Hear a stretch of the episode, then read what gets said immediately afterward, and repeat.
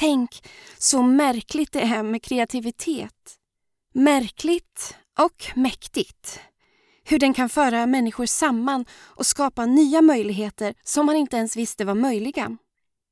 Det var exakt så som det här poddavsnittet kom till. För ett par månader sedan skrev jag ett inlägg i en Facebookgrupp för podcastare och efterlyste manliga röster som skulle kunna läsa upp eventuella berättelser från män som överlevt destruktiva relationer om jag skulle få in något sånt i podden. Jag tänkte att podcastare har bra utrustning och bra berättarröst. Det ramlade in svar från sex män som var villiga att bidra med sina röster och en kvinna vid namn Karin. Karin skrev Hej Mia!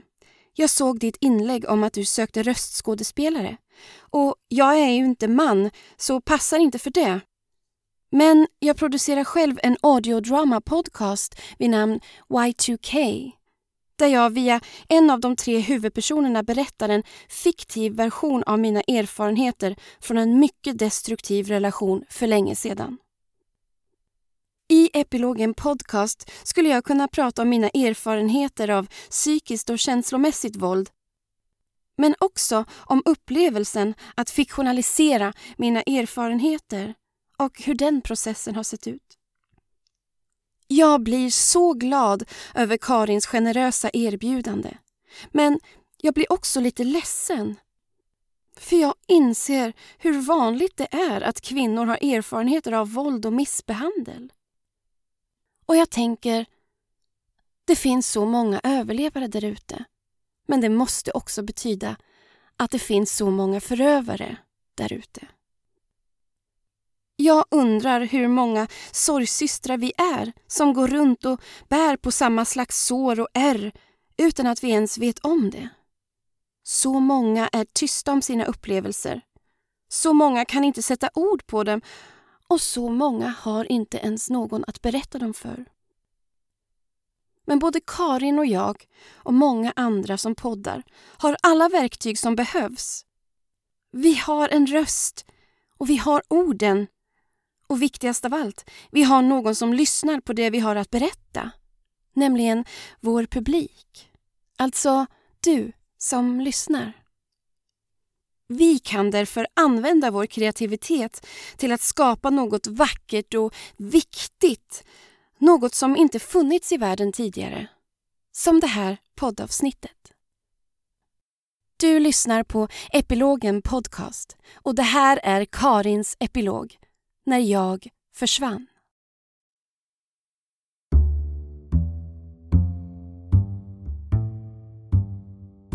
En gång för länge sedan försvann jag i en relation. Allt det som var jag löstes upp i kanterna och jag blev diffus, suddig, otydlig även för mig själv. Allt det som han sa sig uppskatta. Att jag var stark, rätt fram, hade åsikter, drivkraft och vilja. Allt det luckrades upp när jag stöptes om till flickvännen.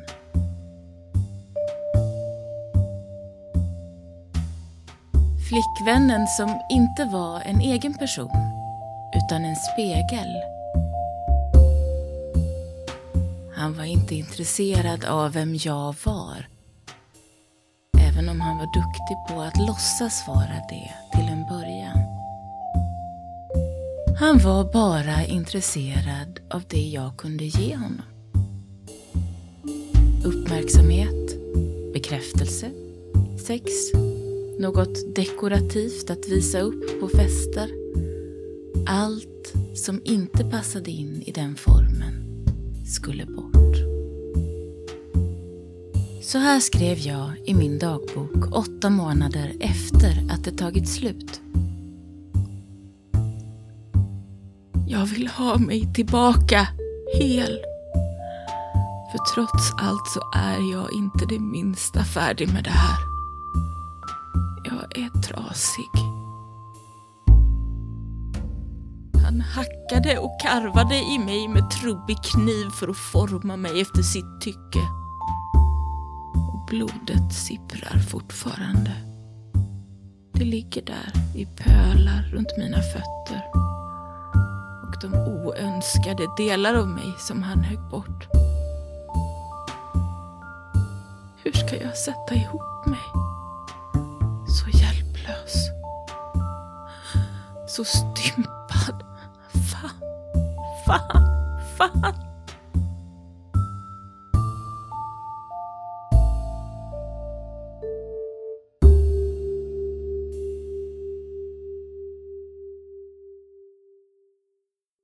Jag vet att podden heter Epilogen, men jag måste börja här, innan, i eh, prologen. Jag var runt 25. Jag flyttade till en ny, stor, okänd stad i ett nytt land. Långt bort från familj och vänner. Jag skulle börja en ny utbildning. Jag var ambitiös, empatisk, ganska oerfaren när det gällde längre relationer. Jag minns att jag tänkte att nu, nu ska jag hitta en relation. Nu ska jag ge det en chans. Nu ska jag satsa. Han, en bekant från min hemstad, ingen som jag var speciellt intresserad av, bara någon som råkat flytta till samma stad samtidigt som jag. Vi börjar umgås på gemensamma vänners inrådan. Vi har kemi. Vi börjar ha sex. KK. Heter det fortfarande så? Knullkompis. Sex utan relation. Så här skrev jag i min dagbok innan vi blev ett par, medan vi fortfarande bara var KK. En relation mellan oss skulle vara en katastrof. Han skulle försöka dominera. Jag skulle alternera mellan att dominera tillbaka eller surt ge vika. Vilket skulle leda till enorma bråk, krossad självkänsla. Inte värt det. Hur kunde jag vara så klarsynt och ändå låta det hända? Jag vet inte. Jag var omogen på många sätt och framförallt, jag hade väldigt liten erfarenhet av manipulativa människor. Jag trodde på att han menade det han sa. Och han sa alla de rätta orden. Vi blir tillsammans, flyttar ihop tre veckor senare. Jag delar lägenhet med andra, så vi är ju ändå alltid hos honom. Han får mig att känna mig speciell, utvald, vacker. Han vill visa upp mig för sina vänner. Men eh, manipulationen börjar omedelbart. På små, subtila sätt. Han avbryter när jag pratar i telefon med familj och vänner. När jag ska göra något som inte involverar honom har han alltid något behov eller något utbrott som gör att jag borde ställa in eller skjuta upp. Om jag ändå tar mig iväg på något eget måste jag ringa, smsa, komma hem på överenskomna tider. Annars känner han sig bortvald. Han kritiserar min smak i böcker, musik, tv-serier, kläder. I ett och samma andetag både hyllar han mitt intellekt och min kreativitet och nedvärderar dem. När jag säger emot honom säger han Du är ju söt i alla fall. Jag är van vid lite rå, skämtsam jargong och tänker att det är okej, det är ju ett skämt. Men det är allt annat än ett skämt. Det är själva essensen av vad han vill att jag ska bli. Bara söt. Söt och foglig. Hans vanligaste metod är gaslighting. Han säger att jag minns fel, skrattar åt min förvirring, säger att jag är söt när jag är vimsig. Jag är van att ha koll, ordning och reda, veta var skåpet och allting annat ska stå. Men sakta, sakta, utan att jag märker det, eroderar han den fasta marken under mina fötter och den blir till kvicksand. Allt är flytande och jag har inget att hålla mig i. Inget utom hans ord. Det är så han vill ha det. Gång på gång hamnar jag i att jag inte förstår vad det är som är så fel med det jag har gjort. Men eftersom han reagerar så starkt så måste det ju vara något allvarligt. Så jag försöker undvika att göra så igen. Och sedan nästa grej. Och sedan igen. Eftersom jag aldrig riktigt förstår vad det var jag gjorde som var så hemskt är det svårt att undvika. Jag tassar som på äggskal, alltid rädd att trampa igenom och trigga hans vrede. Jag som hela mitt liv har fått höra att, att jag är omtänksam och inkännande får nu veta att jag är självisk och okänslig. Och när den som står dig närmast säger det tillräckligt många gånger, då blir det till slut en sanning. Jag är en hemsk person och jag har tur som har honom. Han står ju ändå ut med mig. Han tar ett dricksglas och slänger det med sådan kraft att det krossas i heltäckningsmattan. Sedan ett till. Bara låt bli att göra mig arg, säger han. Och jag försöker verkligen. Oj, vad jag försöker.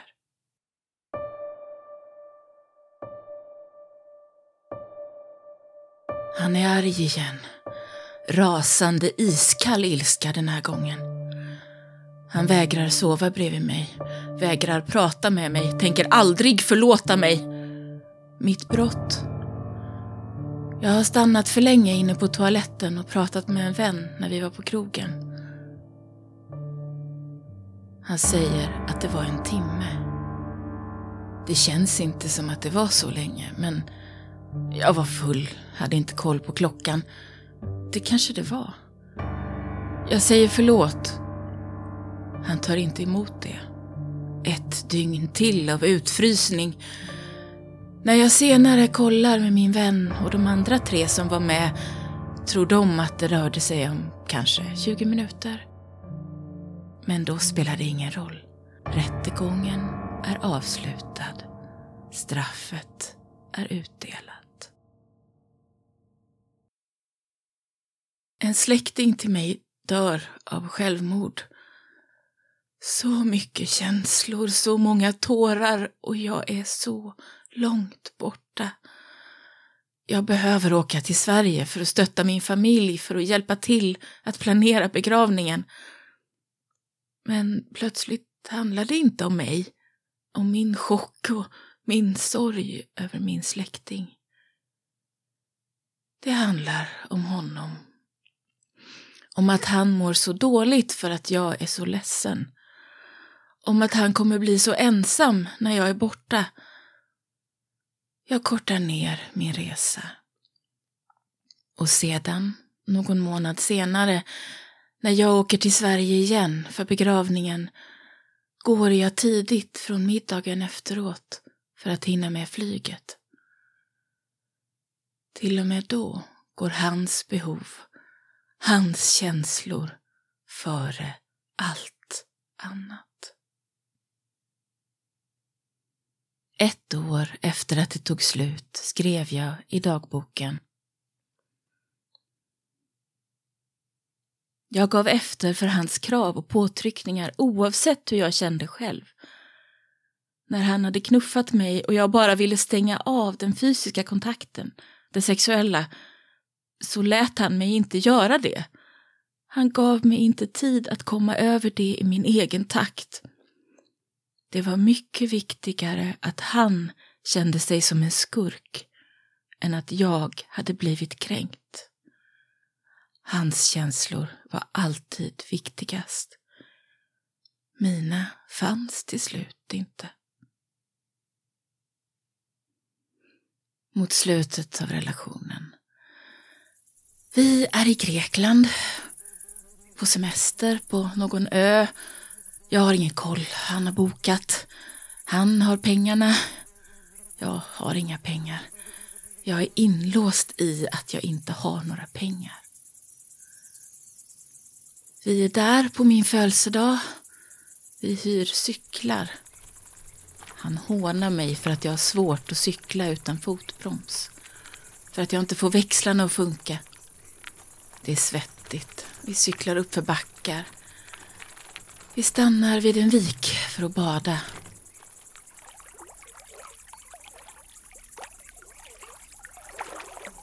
Vi har glädjelöst sex i vattnet nedanför en skräpig kulle och jag orkar inte bry mig om ifall någon tittar.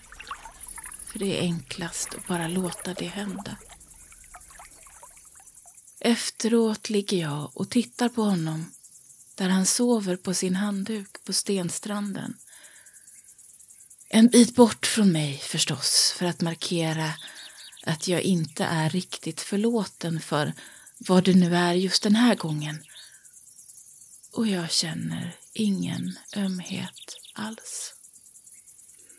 Det är varmt och svettigt och jag har saltvattensklibb över hela kroppen och jag vill bara åka hem. Senare på dagen, vi bråkar jag håller en matkasse i handen. Jag ställer den bara på gatan och går. Men jag måste ju komma tillbaka. Och han vet det. Jag har inga pengar. Min mobil funkar inte i Grekland. Jag är helt beroende av honom.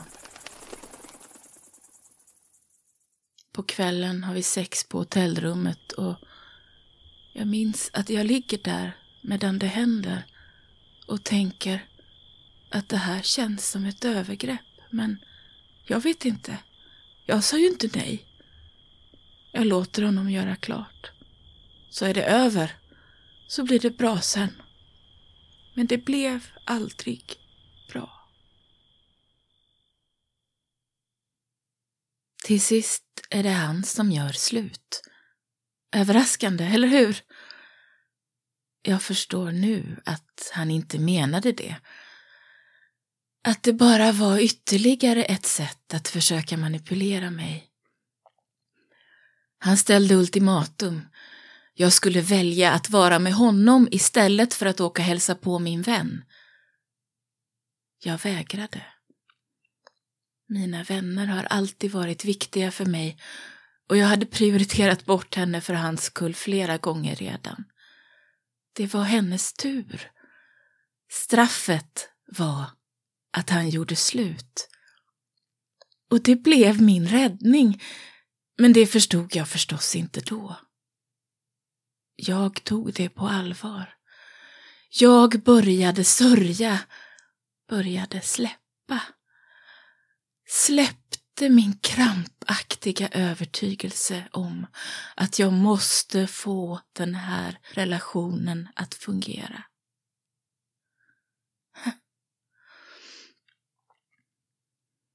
När han tre dagar senare vill bli tillsammans igen blev jag så lycklig.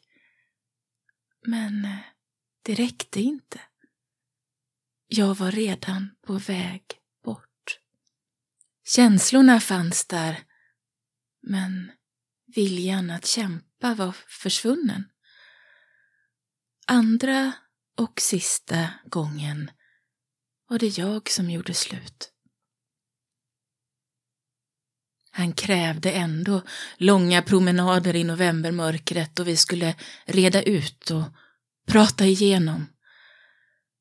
Vid det laget hade vi flyttat tillbaka till min hemstad och jag kan fortfarande ibland råka gå förbi någonstans i stan och minnas vad vi pratade om just där.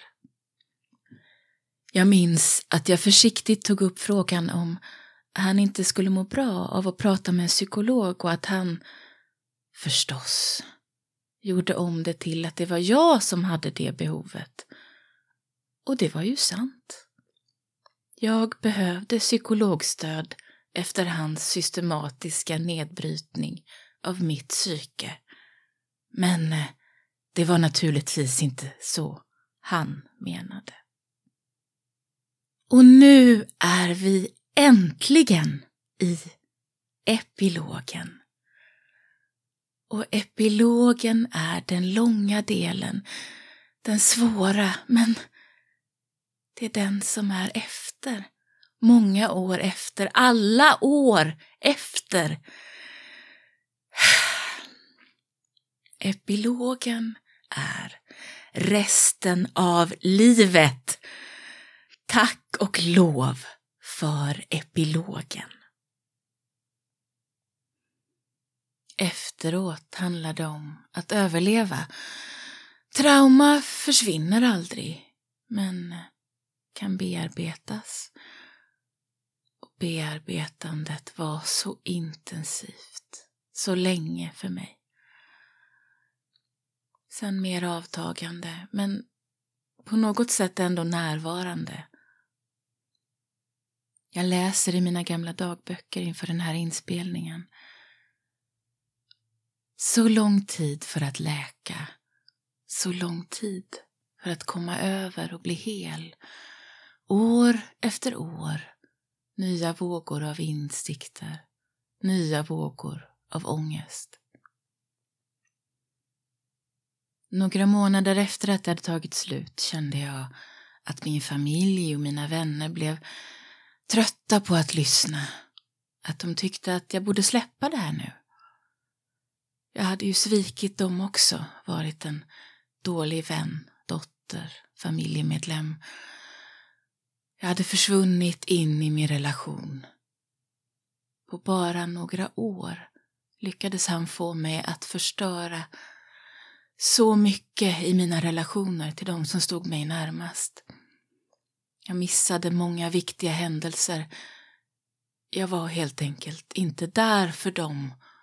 Och det är klart att jag förstår att det gjorde det så mycket svårare när jag sedan behövde dem så mycket. Behövde älta, bearbeta, vrida och vända för att hitta så många svar som möjligt på frågorna vad var det egentligen som hände? Och hur kunde det bli så här?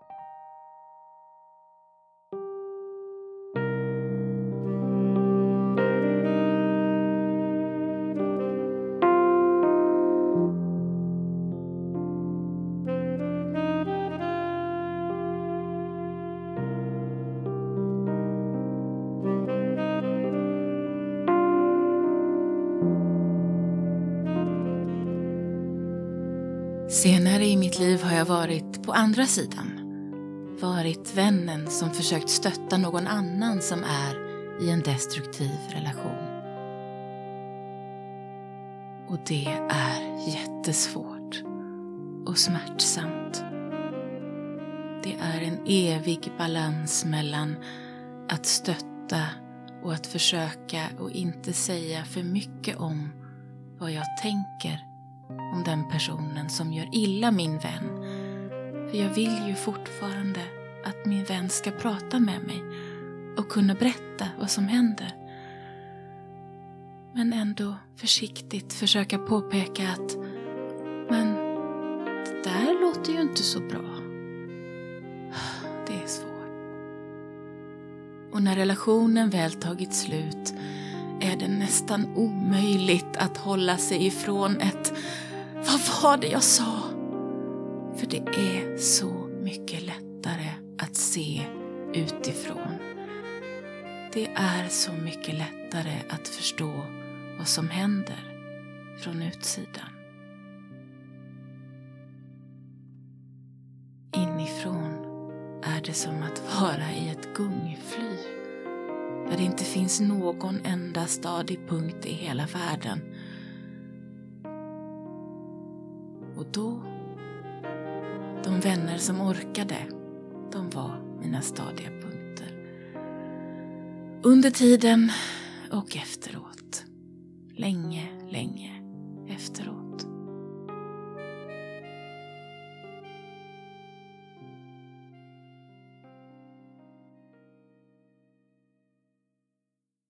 Efter åtta eller nio månader var det några vänner som tyckte att nu var det dags att de fick bjuda in oss båda till samma fest. De ville inte behöva välja längre. Jag sa okej. Okay. Jag vill inte vara till besvär och det var ju inte mitt beslut egentligen. Men eh, jag undrade. Skulle de ha resonerat på samma sätt om man slagit mig gul och blå? Om det funnits fysiska spår av misshandeln? Om jag polisanmält honom? Jag tror inte det. Men eh, jag gick på fest och mötte min förövare och hans nya flickvän. Jag stod där rak i ryggen och såg dem i ögonen allt medan jag inuti frenetiskt jobbade med att laga allt det han trasat sönder. När jag berättar om mina upplevelser får jag höra men hur kunde det hända dig? Du som är så stark. Och oftast orkar jag inte förklara att det har ingenting med det att göra. Ett och ett halvt år efter att det tog slut skrev jag i dagboken. Det som var allra otäckast med vår relation var inte hur konstigt och skruvat och fel han betedde sig. Även om det var helt sjukt. Utan hur jag betedde mig. Jag kände inte igen mig själv. Jag var så lättretlig och petig och aggressiv och det kändes inte alls som jag. Jag var i konstant försvarsställning ända tills jag gav upp. Och då var jag en liten lealös fläck. Instinkten att förminska det som hände är oerhört stark. Till och med nu kan jag inse att jag tänker, men så farligt var det väl inte? Nu gör du en stor grej av det här. Och jag mötte det så ofta från andra. Han slog mig ju inte, så då var det inte misshandel på riktigt.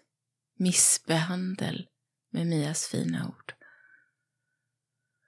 Det är en av orsakerna till att jag spelar in min epilog, att jag berättar min historia.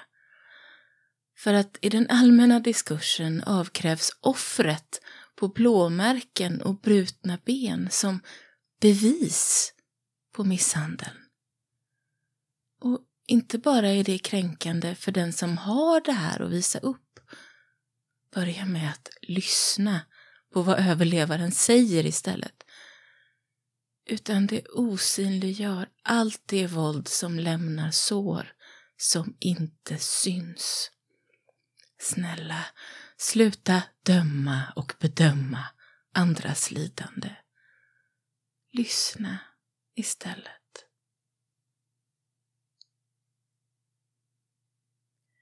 Sju år senare efter några kortare relationer träffade jag min nuvarande.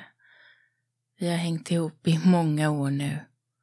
Han har många bra sidor, men det viktigaste är han är snäll.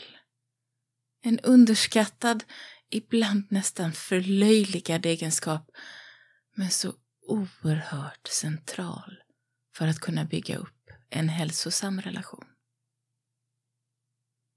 Nu kommer vi till en annan del av min epilog den där jag hittar sätt att berätta min historia. Direkt efteråt, när jag börjar förstå vad som har hänt, vad han har gjort, börjar plocka ihop mig själv, vill jag varna. Jag är äntligen arg. Jag vill brännmärka hans panna så att han aldrig kan göra illa någon annan. Som i Scarlet Letter, ett stort A för abuser. Men eh, jag gör inget. Han går vidare i nya relationer och jag varnar inte. Jag vet inte vad jag ska säga, hur jag ska göra. Har jag ens rätt att varna? Vad var det som hände mig egentligen? Senare får jag på omvägar höra att hon som kom efter mig också mått dåligt. Och jag känner en sån oerhört märklig blandning av djup skuld för att jag misslyckades med att varna henne och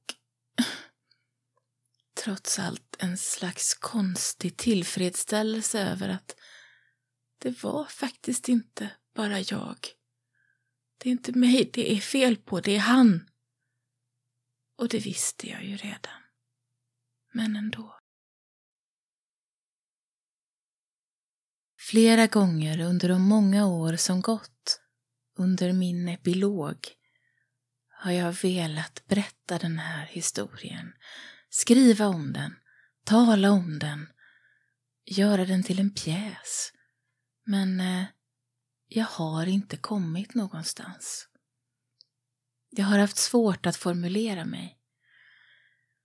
Men så för några år sedan upptäckte jag audiodrama Först som lyssnare och sen som röstskådespelare. Och då kom formen till mig.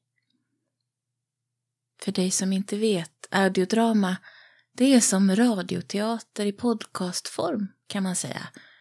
Eller ännu mer som en tv-serie, fast bara i ljud. Det var här jag skulle berätta. I december 2018 kom idén. Jag valde att skriva på engelska eftersom det var på engelska jag hade kontakt med andra audiodramaskapare och röstskådespelare. Det skulle handla om vänskap, främst om vänskap. För mina vänner är de som har gjort att jag har klarat denna och andra kriser, genom stort och smått. Men det skulle också handla om båda sidorna om detta trauma. Att vara i en destruktiv relation, men också att vara den som försöker stötta en vän i den situationen. Karaktärerna blev sina egna. Det är fiktion och ändå har jag lånat så mycket från mitt eget liv. Jag har gjort om min berättelse och vävt in erfarenheter från mina vänner, från andra överlevares berättelser. Karaktären, Jono, är inte min förövare. De har saker gemensamt, men Jono är fiktiv. Jag skrev Y2K, en berättelse i 54 avsnitt från januari till november 2019. Det är tre huvudpersoner och en av dem, Kat, går in i en destruktiv relation. Jag drog mig alltid så mycket när det var dags att skriva scenerna med Kat och Jono. För jag visste att det skulle göra ont. Och sedan skrev jag och skrev och grät och grät. Och sen grät jag igen när jag fick skådespelarnas ljudfiler. Och grät ännu mer när jag redigerade ihop allting. Som tur var hade jag en annan skådespelare som spelade Kat. Själv tog jag mig an rollen som hennes vän, Jess. Hon har en helt annan historia. den kan vi gå in på en annan gång. Men att lyssna på Jannis, som hon heter, när hon gestaltade mitt lidande, det var starkt och det var hemskt, men det var också helande. Innan jag började skriva Y2K tänkte jag att jag är ju över den här gamla relationen. Det var ju så länge sedan. Och jag har ältat och bearbetat i så många år. Men trauma finns ju alltid kvar. Och det var tungt. Men det var också vackert. Jag minns särskilt i november 2019 när jag skrev de sista avsnitten och jag satt på flygplatsen i Boston på väg hem från en poddkonferens och skrev färdigt en scen där Kat har gett upp. Där hon inte orkar sätta upp något motstånd. Där hon bara accepterar förövarens vilja.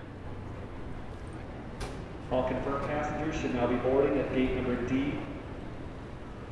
Jag var så inne i mitt skrivande där på flygplatsen att en av mina nya poddvänner som gick förbi fick hojta flera gånger innan jag ens märkte att det var någon där.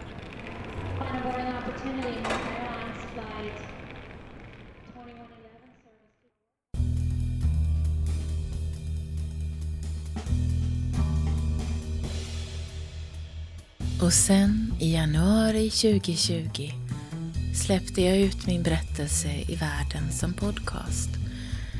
Med avsnitt varje vecka hela året.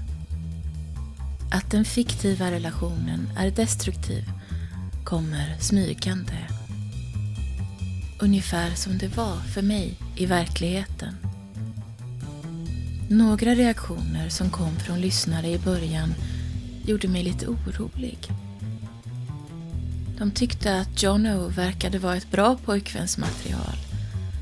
Men ganska snabbt fick jag också höra att oj, den snubben var det fullt av varningstecken på. Och ju längre tiden gick, desto fler verkade förstå den här mer subtila berättelsen om misshandel, om missbehandel. Att få reaktioner från främlingar på Twitter som gick ut på att det här beteendet är inte okej. Vad håller han på med? Stopp! Det där är misshandel, övergrepp, våld. Det var otroligt läkande. Karaktären och relationen är fiktiv. Men förövarens tillvägagångssätt är taget direkt från verkligheten. Och Twitter har rätt. Det var och är på inget sätt okej. Okay. Om det nu skulle vara så att min verkliga berättelse får dig att vilja lyssna på min fiktiva berättelse Y2K hittar du podcasten genom att söka på Y2K Audio Drama i din poddspelare eller gå till y2kpod.com alltså y2kpod. Jag skulle bli väldigt glad om du ville lyssna. Till skillnad från epilogens andra gäster, i alla fall de jag har hört hittills, är jag inte anonym. Om du vill få tag på mig hittar du mig enklast på Twitter. at Karin med K H-E-I-M.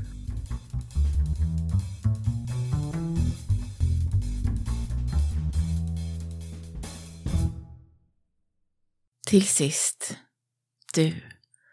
Var rädd om dig. Och om du är någon som behöver höra det just nu, kom ihåg att det finns en epilog för dig också. Tack och lov för epilogen.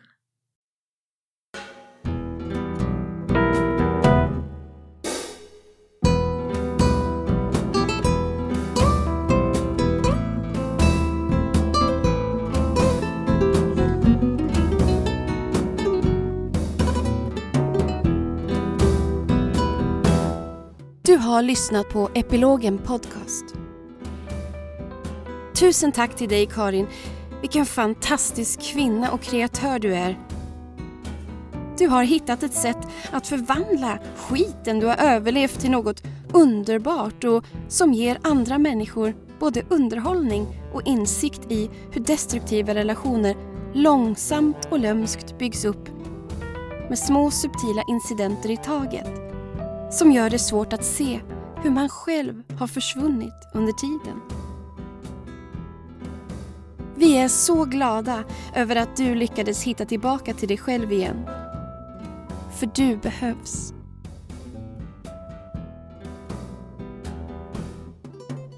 Även tack till dig som lyssnat och som vill dela den här podden för att fortsätta sprida kunskap om psykisk misshandel och narcissism.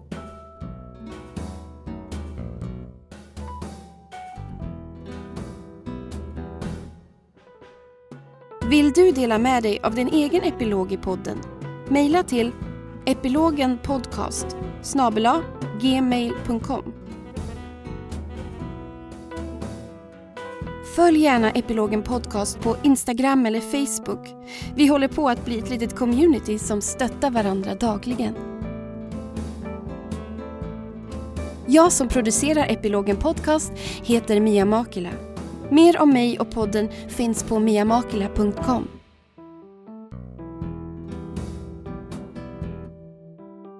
Musiken i avsnittet är poddsäker och skriven av Kevin McLeod och Unheard Music Concept.